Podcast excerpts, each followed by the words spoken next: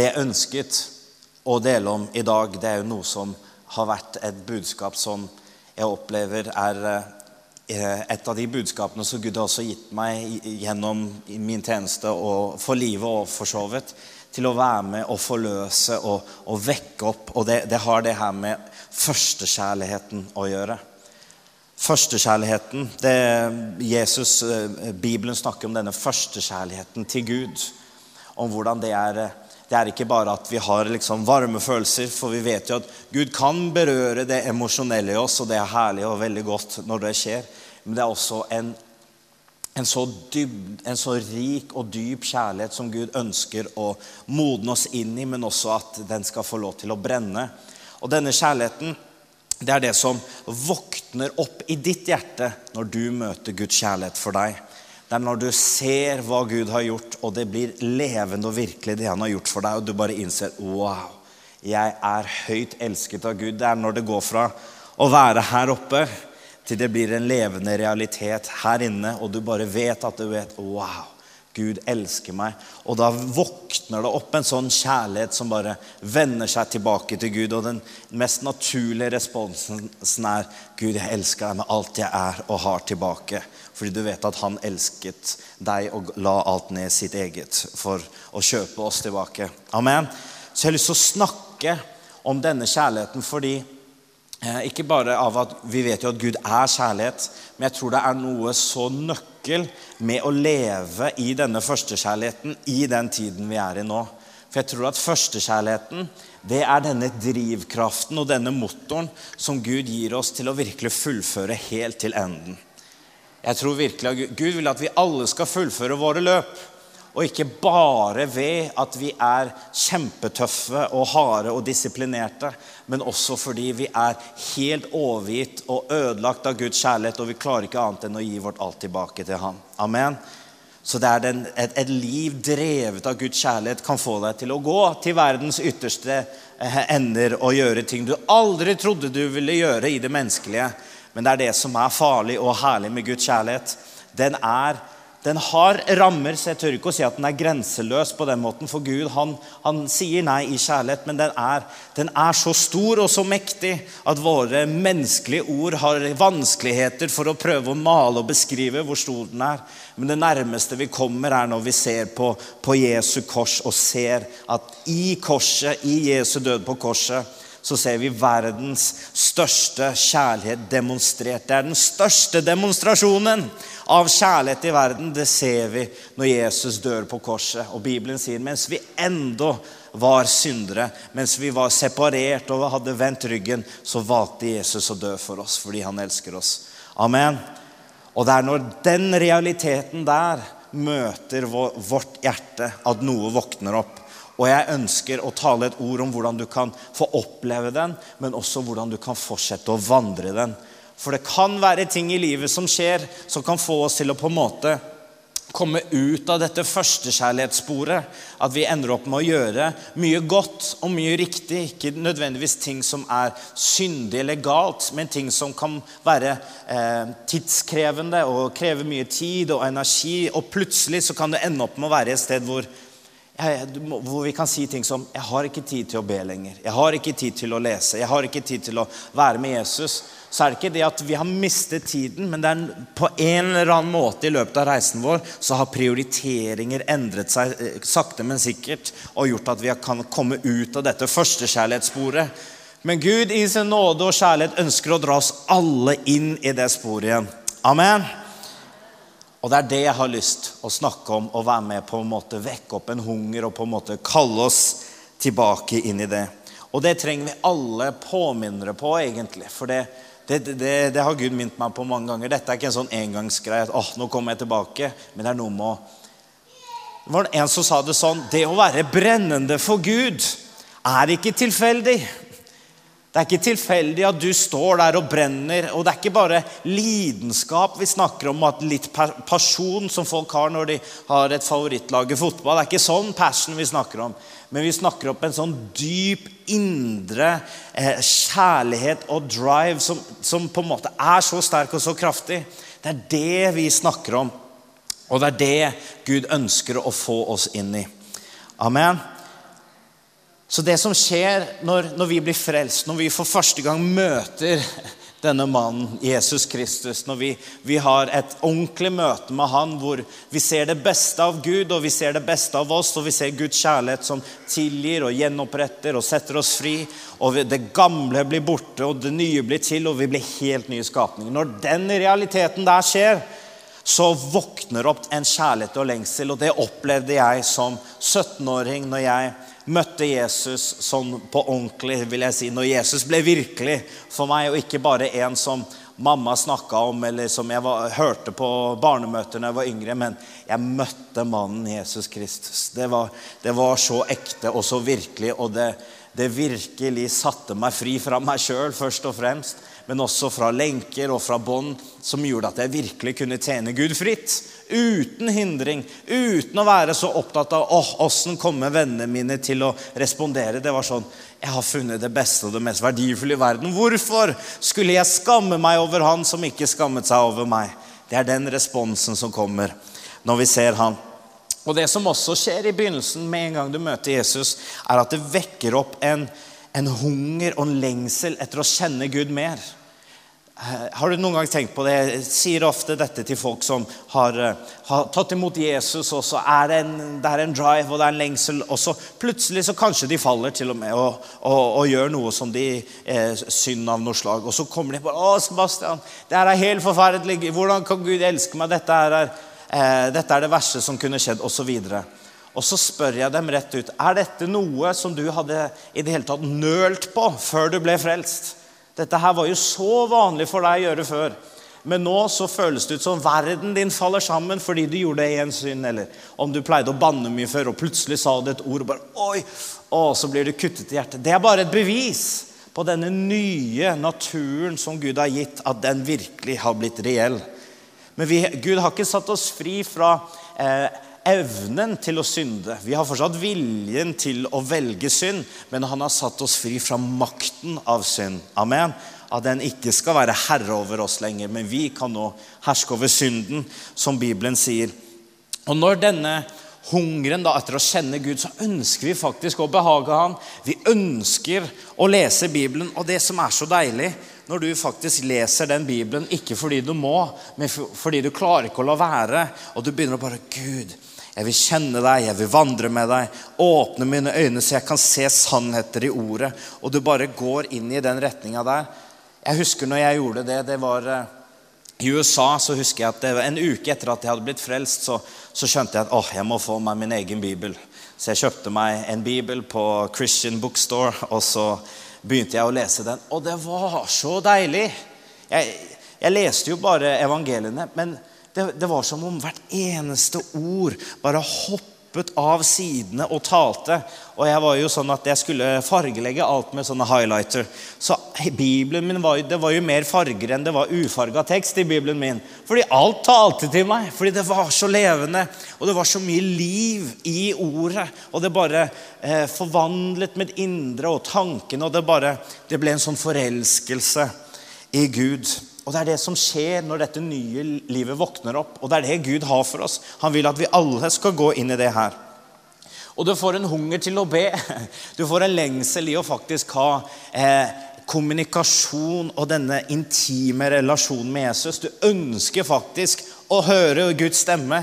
Og, det, og du begynner liksom åh, hvordan kan jeg høre Guds stemme? Og du begynner å be og du begynner å lytte. Du begynner å bli stille, og så plutselig begynner du å kjenne impulser.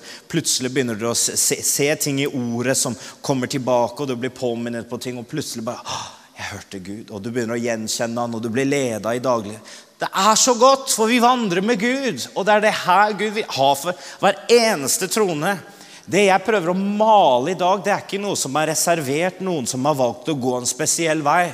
Men dette er en vei som Gud kaller alle oss til å gå, uavhengig hvilke karrierevalg eller tjeneste eller kall vi måtte ha. Så er dette noe Gud kaller oss til å komme inn i.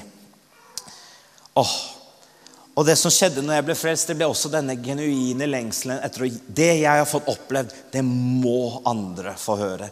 Andre må få høre og få oppleve det samme. For jeg visste at det er, det er, jo det her mennesker egentlig dypest innerst av deres hjerte lengter etter. Hvis vi tror det Bibelen sier, så, så, vet vi at alle mennesker har evigheten i hjertet. Og det er en lengsel etter å få svar på evigheten, døde, hva er meningen med livet? Og de svarene finner vi bare i Jesus alene. Amen. Så derfor må vi gi dem Jesus. Så det er egentlig enkelt. Men av og til gjør vi det veldig komplisert, og så kaller Gud oss tilbake inn i det her til å være kilden i alt det andre vi gjør. Amen. Og det nydelige med førstekjærligheten, kjære venner, det trenger ikke å ta slutt. For det fikk jeg høre når jeg var i, i USA. Og det, dette her sier jeg ikke på en måte, på en måte som å, å, å, være utakknemlig eller si noe negativt om noen. Men av og til så kan det være en ukultur av å si til noen mennesker at det er herlig at du opplever sånn passion og kjærlighet og drive for Gud, men om et par uker så kommer det bare til å dabbe av.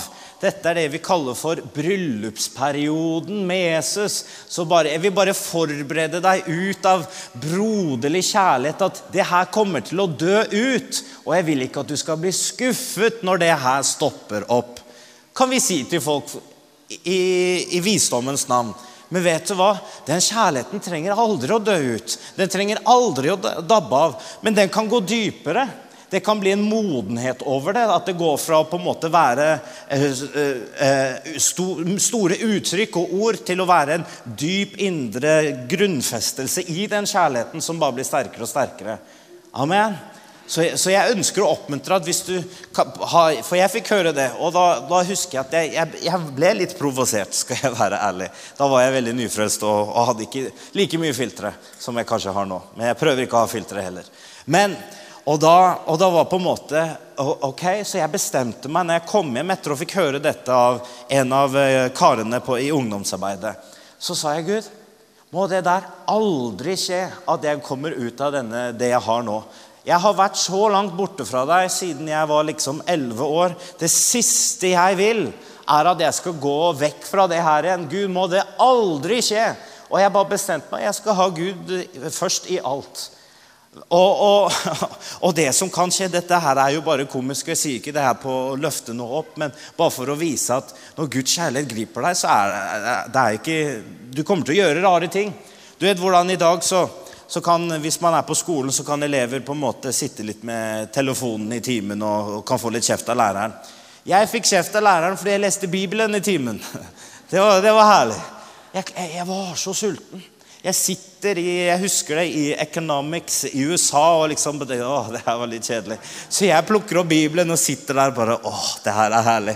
Og jeg sitter og highlighter og understreker. og Det ser ut som jeg tar gode notater i timen.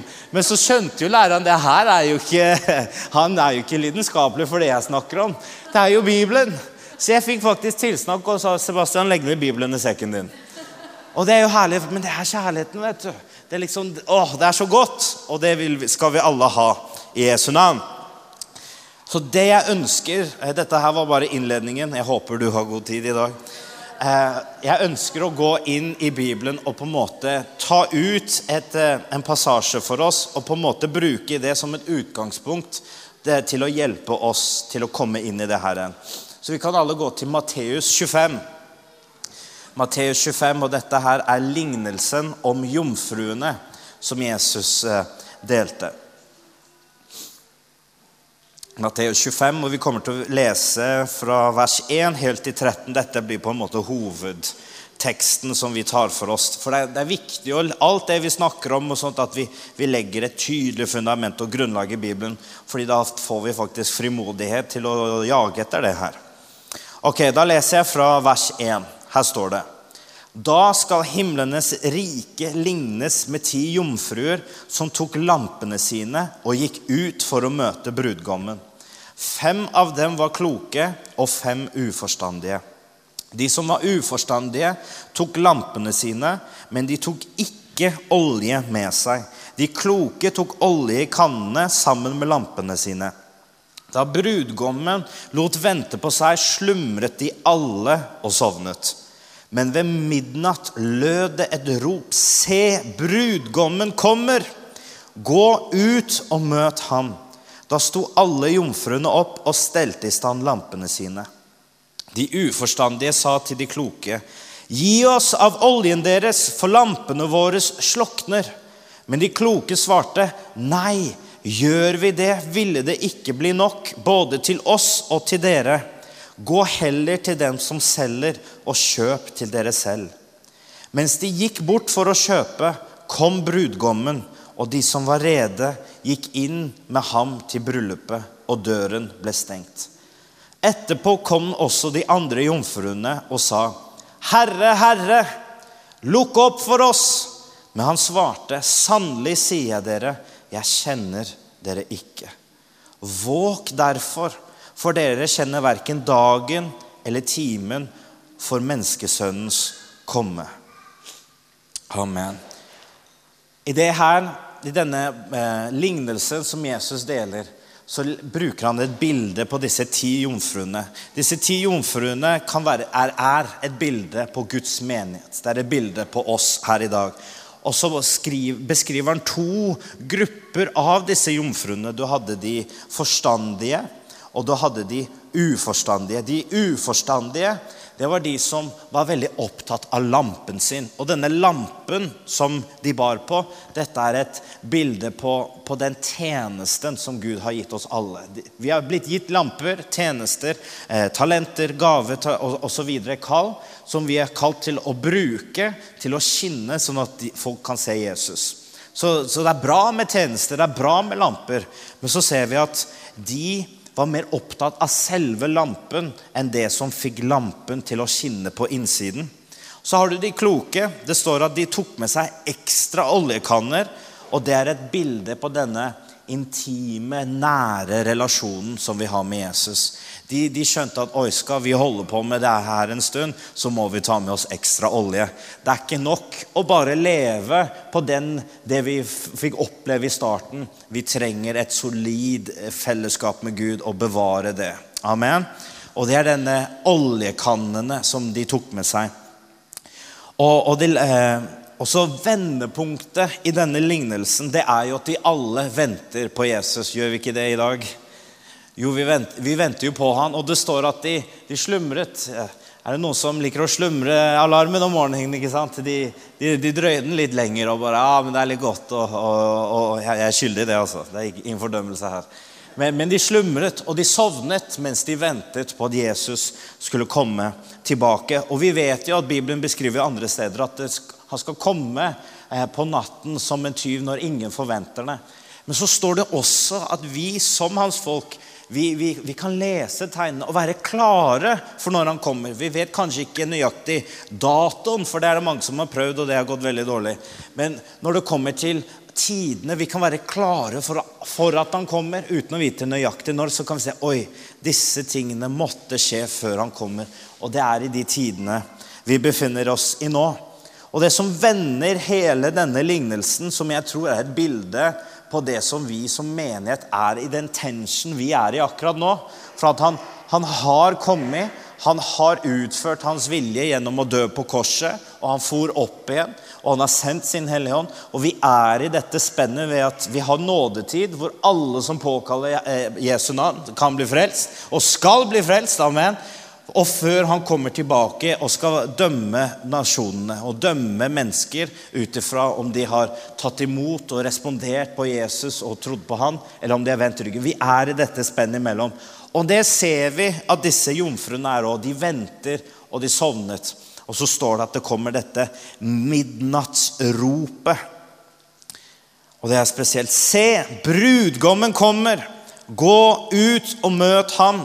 Vet du hva? Det er et gledesrop, egentlig. Han vi har ventet på hele tiden, kommer! Han vi har viet hele vårt liv, han kommer! Det er den, liksom, han som er liksom hele kjernen. Han er, han er begynnelsen, han er midten, han er slutten. Det er han vi har ventet på hele tiden.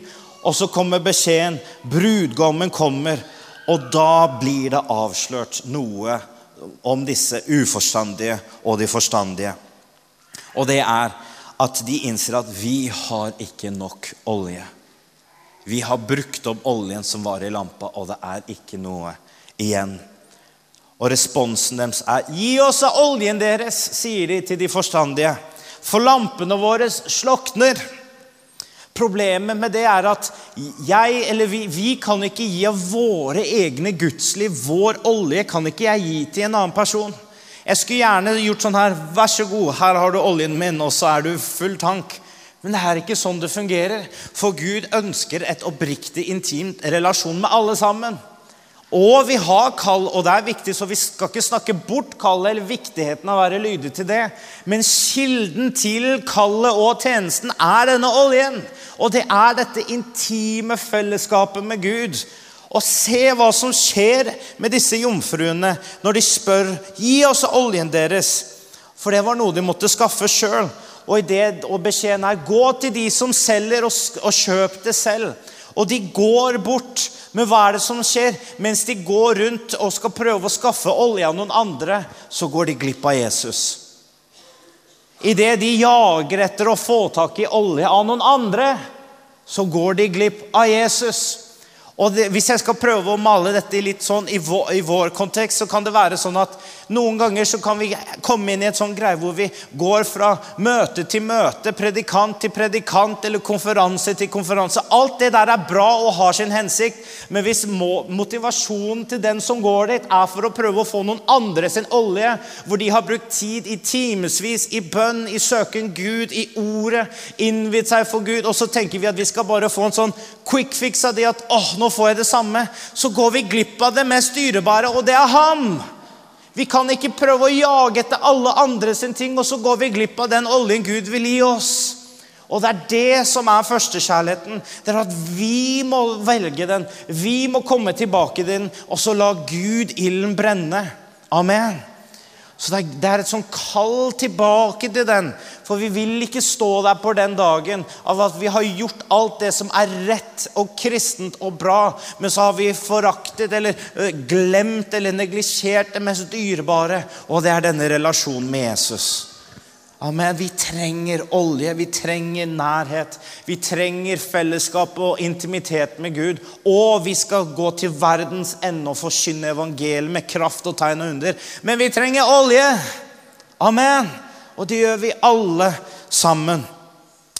Og jeg tror at disse jomfruene Det er mye man kan si om de, men jeg tror de var for opptatt med selve tjenesten som de hadde, eller lampen, og de glemte å kultivere eller å engasjere seg i et dypt indre liv med Jesus. De kunne jo språket. Herre, Herre! De visste hvem han var. De hadde ham på riktig plass, men de hadde ikke engasjert seg i det mest dyrebare. De hadde blitt opptatt med andre ting. Og det er viktig å gjøre andre ting, men det er ikke det viktigste.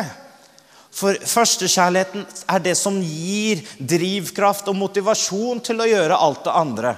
Så dette er på ingen måte et, budskap om at det andre er dårlig. Det er viktig og nødvendig, og vi må og vi skal gjøre det. Men det har en kilde som er sterkere enn døden, og det er førstekjærligheten. Har vi den, så er vi villige til å gjøre ting som vi ikke ville gjort ut av ren disiplin. Og det var kjærligheten som drev Jesus til korset. Kjærlighet til sin far. Det Gleden av at en dag skulle han se mennesket forenet med Gud. det, det var det hans død skulle utføre. Han så gleden.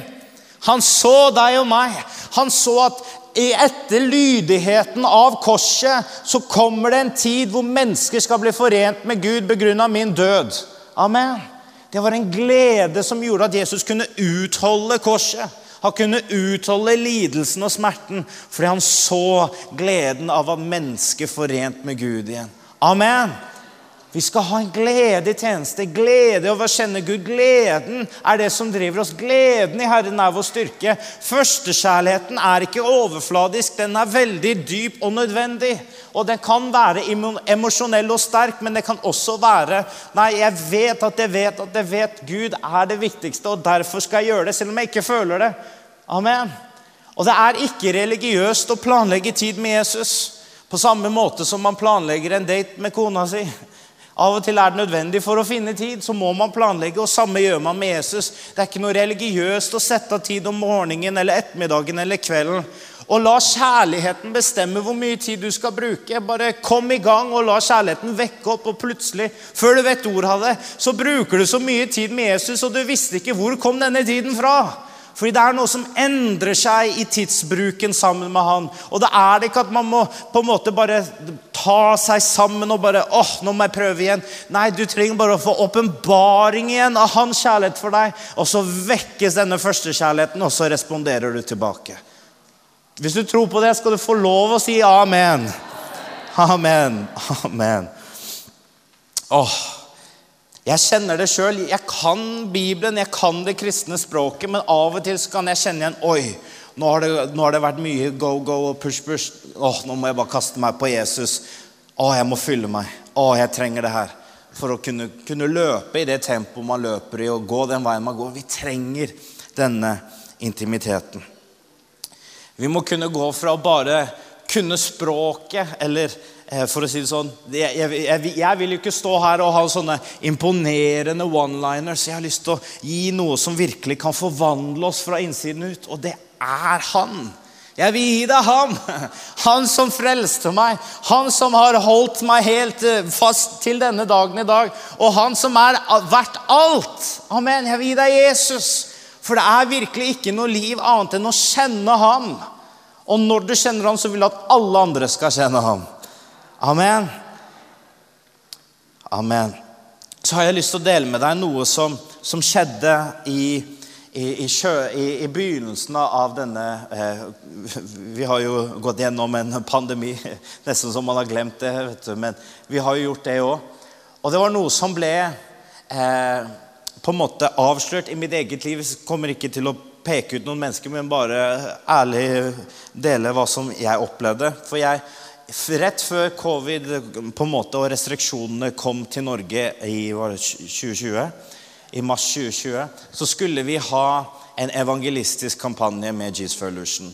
Og jeg vil ha det. vet du. Jeg vil se mange ungdommer frelst i Norges land og er villig til å bruke hundrevis av timer for å få det skje i bønn og i praktiske ting og jobbe hardt for å se det. For vi, for vi vet at det, det krever litt pushing for å få det gjennom. Og så hadde jeg holdt på med det i ni måneder sammen med teamet mitt. Vi hadde jobba hardt, vi hadde møtt ledere, vi hadde bedt, vi hadde fasta. Jeg hadde til og med liksom, jeg hadde gjort alt det jeg tenkte var det bibelske riktige å gjøre. Og tenkte nå skjer det. En uke før så, så får vi høre at åh, nå er det restriksjoner, nå er det 200, og så blir det 50. Og jeg traff kjelleren, for jeg visste at det her må vi kansellere. Og jeg begynner å snakke med Gud veldig ufiltrert. Hvorfor sa du ikke noe?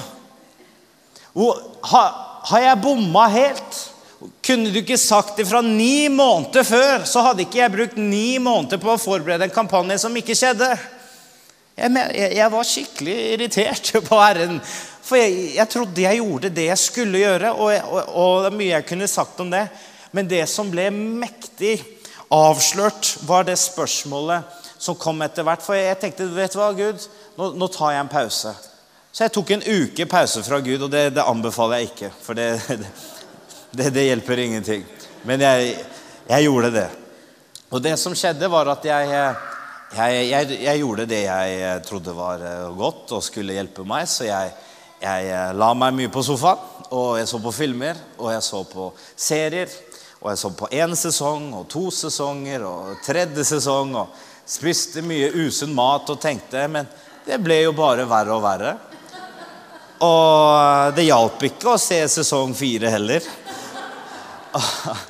Og man kommer til det punktet og man bare innser at ja Ja, jeg vet at du er der. Jeg kan Bibelen. Jeg vet at eh, du er ikke langt unna. Og at eh, hvis jeg drar meg nærmere deg, så kommer du og møter meg. Og jeg visste det, det, var, det gjorde det egentlig bare verre. For overbevisning begynte å komme, og jeg skjønte at åh, nå har jeg bomma skikkelig her.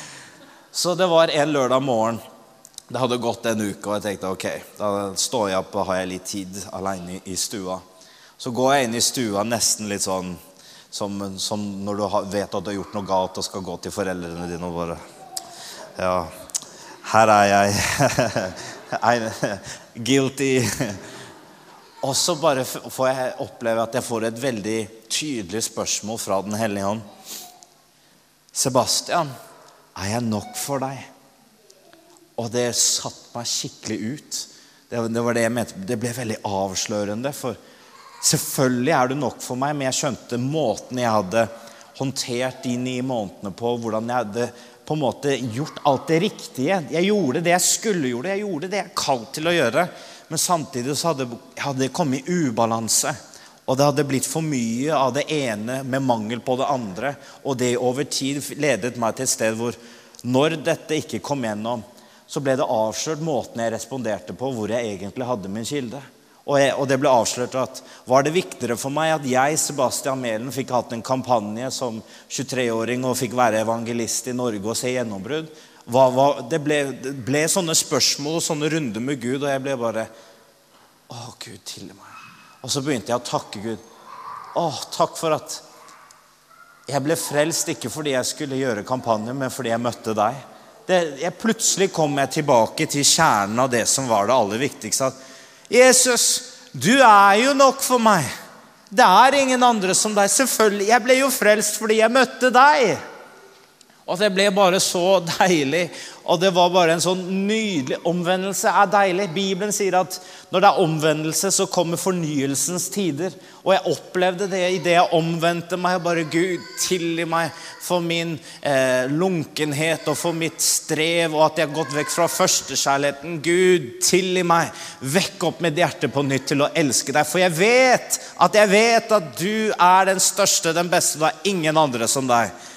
Og så kom tårene, og omvendelsen bare skjedde, og jeg fikk oppleve denne fornyelsen i Gud. Og jeg fikk gråte, jeg fikk lov til å le og smile og bare koste meg med Jesus i stuen den morgenen. Og ble bare mektig imponert av hvor tålmodig og god og kjærlig Gud egentlig er. Og hvor mye jeg ikke fortjener det, men hvordan han fortsatt gir det. Amen. Og Gud kaller på oss til å komme inn i det. Og det var det jeg opplevde da, der. Og så var det et vers som jeg hadde lest tidligere og hadde hørt mye på TBMI og hadde fått opplæring i dette her. Og jeg vil bare dele det med oss hvis vi går til Lukas kapittel 10. Er det ikke rart av og til når man deler sine kamper og utfordringer, at det er litt oppmuntrende for de som hører på? Så jeg håper det her eh, oppbygger deg, at jeg har hatt det tøft. Men det gikk bra til slutt allikevel, og jeg fryder meg i Herren. Paulus sa jo det, mine lenker er til å gi frimodighet til brødrene. Det er noe rart, vi kristne. Vi er litt rare, men det er godt. ja, amen. Men i Lukas kapittel 10 og vers 38 Dette er en kjent historie med Martha og Maria. Jeg leser fra vers 38. Her står det. Da de gikk videre, kom han inn i en landsby, og en kvinne som het Martha, ønsket ham velkommen i sitt hus. Hun hadde en søster som het Maria. Hun satte seg ned ved Jesu føtter og lyttet til hans ord. Martha var travelt opptatt med alt tjenestearbeidet, og hun gikk da bort og, og sa, 'Herre, bryr du deg ikke om at min søster har latt meg være alene med å tjene?' Si derfor til henne at hun skal hjelpe meg. Da svarte Jesus henne, Martha, Martha, du er bekymret og urolig for mange ting, men ett er nødvendig. Maria har valgt den gode del som ikke skal bli tatt fra henne. Amen. Og så ble det så tydelig for meg etter denne kampanje utsettelsen. Vi kaller det utsettelse, for det skal skje en dag. Amen. Og da, da opplevde jeg at det verset 42, men ett er nødvendig. Maria har valgt den gode del, og det skal ikke bli tatt fra henne. Og da skjønte jeg kampanjen ble tatt fra meg. Muligheten der og da ble tatt fra meg. Men livet med Gud kan ingen ta fra meg. Å velge å være og sitte ved hans Ingen kan ta det fra meg. Jeg kan miste jobb, jeg kan miste sted, men ingen kan ta det her fra meg. Og det ble bare Wow, du er nok. Å, Jesus, jeg vil bare ha mer av deg. Og denne kjærligheten, det, når den får våkne opp igjen, så, så, er det lurt å legge litt vedkubber på det bålet, for da kan den få lov til å brenne og brenne. Amen. Det største budet, sier Jesus. Du skal elske Herren din Gud av hele ditt hjerte, av hele din sjel, av all din kraft og hele ditt sinn, og din neste som deg selv. Så la oss komme til kjernen til det her. Det å kjenne Gud og gjøre ham kjent. La det være drivkraften til alt vi gjør i liv og i tjeneste, i familie, i ekteskap. Alt vi gjør. La denne hengivenheten og kjærligheten til Jesus være alt. La det virkelig drive deg til å gjøre ting, sånn at handlingene er motivert av kjærlighet til Jesus. Og når det er det, så gjør du ting du aldri trodde du skulle gjøre. Amen. For når vi ser hva Guds kjærlighet fikk Jesus til å gjøre ikke sant? Er, Det var jo en demonstrasjon av Guds kjærlighet. Hva blir den naturlige responsen for oss? Jo, det blir hvis han plukket opp sitt kors og gikk til døden, så skal jeg ta opp mitt kors og dø, sånn at hans liv kan stå opp igjen. Amen. For det er Guds kjærlighet, det, det er det som er drivkraften til å bære sitt kors. Og så kan man tenke av og til ja, hva, hva er mitt kors? Hva, hva, mener du med det? Og Av og til så tenker vi at å bære korset er selvfornektelse. Nei, det er det ikke. Å bære sitt kors er den enkle holdningen av å si ikke min vilje, men din vilje skje. Amen. Det var det Jesus gjorde før korset. Han tok de rundene med Gud. Han bare 'Gud, hvis det er mulig, ta det fra meg!' Men ikke min vilje, men din vilje skje. Det er når vi kommer til det stedet av overgivelse, og det er kjærligheten som driver oss dit. Amen. Kan vi ikke alle reise oss opp her sammen nå?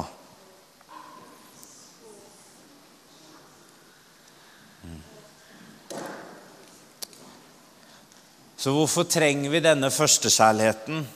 Jeg tror en av grunnene til det er at Bibelen beskriver at lovløsheten kommer til å ta overhånd, og kjærligheten blir kald hos mange. Jeg tror førstekjærligheten er mye viktigere enn vi tror. Ikke fordi det, det, handler om bare å føle seg godt og ha det bra, men fordi når tøffe tider kommer, så er det den dype, genuine kjærligheten til Jesus som også holder oss fast. Amen. Det er virkelig det sterke grunnlaget som vi, vi går på. Oi, oi, oi. Så jeg vil avslutte med det, med det her, og så skal vi gå inn i i bønn, og så skal vi bare gå inn i nattverd og la Gud få lov til å fortsette å virke gjennom gudstjenesten vi har sammen. Vi skal lese en, en siste passasje for oss idet vi, vi står innenfor Gud. Det står i Johannes' åpenbaring, kapittel 2, og fra vers 2 så står det Jeg vet om dine gjerninger, arbeidet ditt, tålmodigheten din og at du ikke kan tåle de onde. Du har prøvd dem som sier at de er apostler, og ikke er det. Og du har funnet ut at de er løgnere. Du har holdt ut, og du har tålmodighet, og du har arbeidet for mitt navns skyld uten å bli trett. Likevel har jeg dette imot deg, at du har forlatt din første kjærlighet. Husk derfor hvor du har falt fra. Omvend deg og gjør de første gjerningene Ellers skal jeg brått komme over deg og flytte lysestaken din fra sitt sted hvis du ikke omvender deg. Invitasjonen er som så Jesus i dette budskapet, for dette her er den oppstandende Jesus som gir budskap til sin menighet. Og disse syv budskapene du finner i Johannes' åpenbaring, de er veldig selvransakende når du tillater ordet å få lov til å eh, være et speil i ditt eget liv. Og her sier Jesus det første. Husk fra hvor du har falt fra. For det kan hende at du har kommet ut av det sporet av førstekjærligheten. Og hvis du husker tilbake, åssen så det ut når du vandret i denne førstekjærligheten? Jeg kan huske at det var de gangene jeg var på soverommet mitt, og jeg gikk, gikk rundt fram og tilbake og sang høyt i tunger og, og frydet meg i Gud. Det var de gåturene jeg hadde i nabolaget når jeg bare gikk rundt og snakka med Gud i timevis. Det var de bibelstudiene jeg hadde altfor seint på natta, for jeg klarte ikke å sove. Det var de tingene som drev meg, den første kjærligheten for Jesus. Det det, Når jeg husker de, så blir jeg bare Å, Gud, jeg vil tilbake. Og det er det Jesus sier når han sier, Husk derfor hvor du har falt fra. Husk at det er fra det. Det er fra det nydelige fellesskapet som du en gang hadde, som han også inviterer oss til å komme tilbake til. Så det å tørre å stille seg sjøl i det vi står innenfor Guds nærvær, selvransakende Hvordan har jeg forlatt denne førstekjærligheten? Hvordan har jeg kommet på avside? Hva var det som grep oppmerksomheten min vekk fra Jesus? Og så når vi ser hva disse tingene er, så omvender vi oss, som Jesus sier. Vi vender oss vekk fra de tingene som var tidstyver, de tingene som plutselig fikk altfor mye oppmerksomhet. Og det er ikke bare det som kommer under kategorien synd, men det er alle de tingene som stjeler deg vekk og tiden din, sånn at du står der og bare Hvor ble tiden min av? Jeg har jo ikke tid til å gjøre det jeg egentlig vil. Og ta et oppgjør med det og, finne også en balanse om man trenger det. Og så er den siste invitasjonen til Jesus omvend deg og gjør de første gjerninger. Han kaller deg tilbake til disse turene i skogen når du ber. Disse kveldene når du åpner opp Bibelen din istedenfor å skru på eh, en serie, og du bare Og du innser Hvorfor har jeg ikke gjort det her før? Og du kommer ut av dette 'jeg må, jeg må'-sporet, og du bare 'Åh, jeg klarer ikke å la være'. Jesus, du er så fantastisk.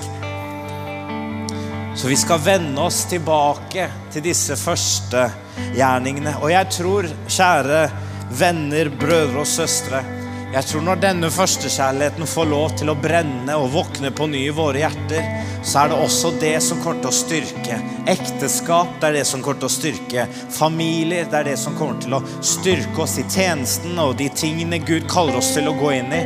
For da er vi ikke avhengig av å ha kilder hos andre mennesker, men da har vi vår kilde i Gud.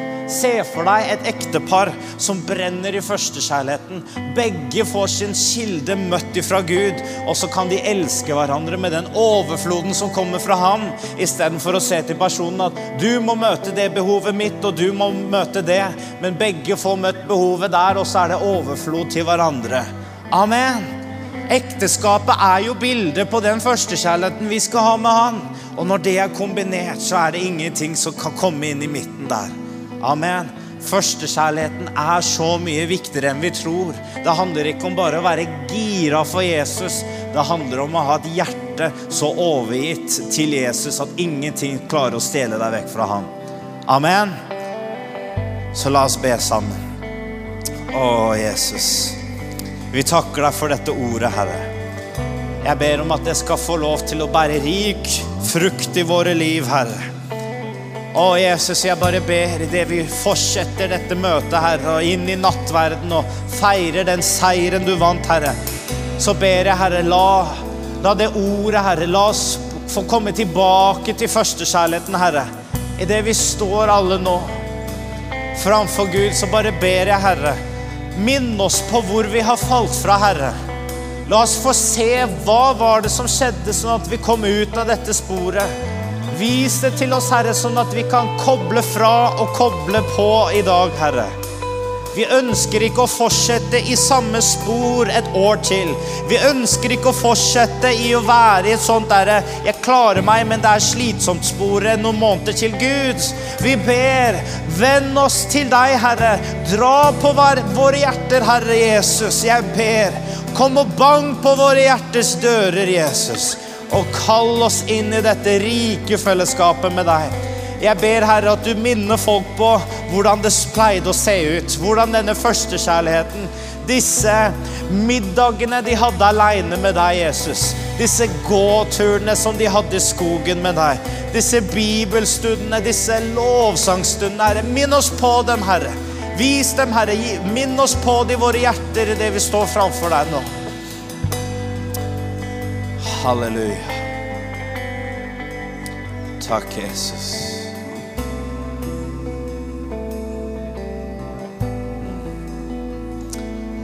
Herre, vi vender oss til deg. Vi vender oss til deg, Jesus.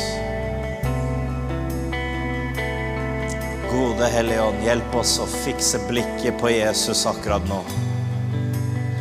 Jesus, vi gir deg alt vårt fokus all vår tid, all vår oppmerksomhet. Og vi tilber deg. Vi ærer deg. Vi elsker deg. Jeg ber Jesus akkurat nå, la åpenbaringen av din kjærlighet for oss bare strømme inn i menneskers hjerter. Vi kan kun elske fordi du elsket oss først. La åpenbaringen av din kjærlighet bare strømme akkurat nå. La det smelte vekk alle bekymringer, alle byrder. Jesus. Kall oss alle, fra de yngste til de eldste, tilbake til førstekjærligheten, Herre. La denne kjærlighetsbrannen som er sterkere enn døden, få lov å brenne i hjertet av din menighet. Å, takk, Jesus.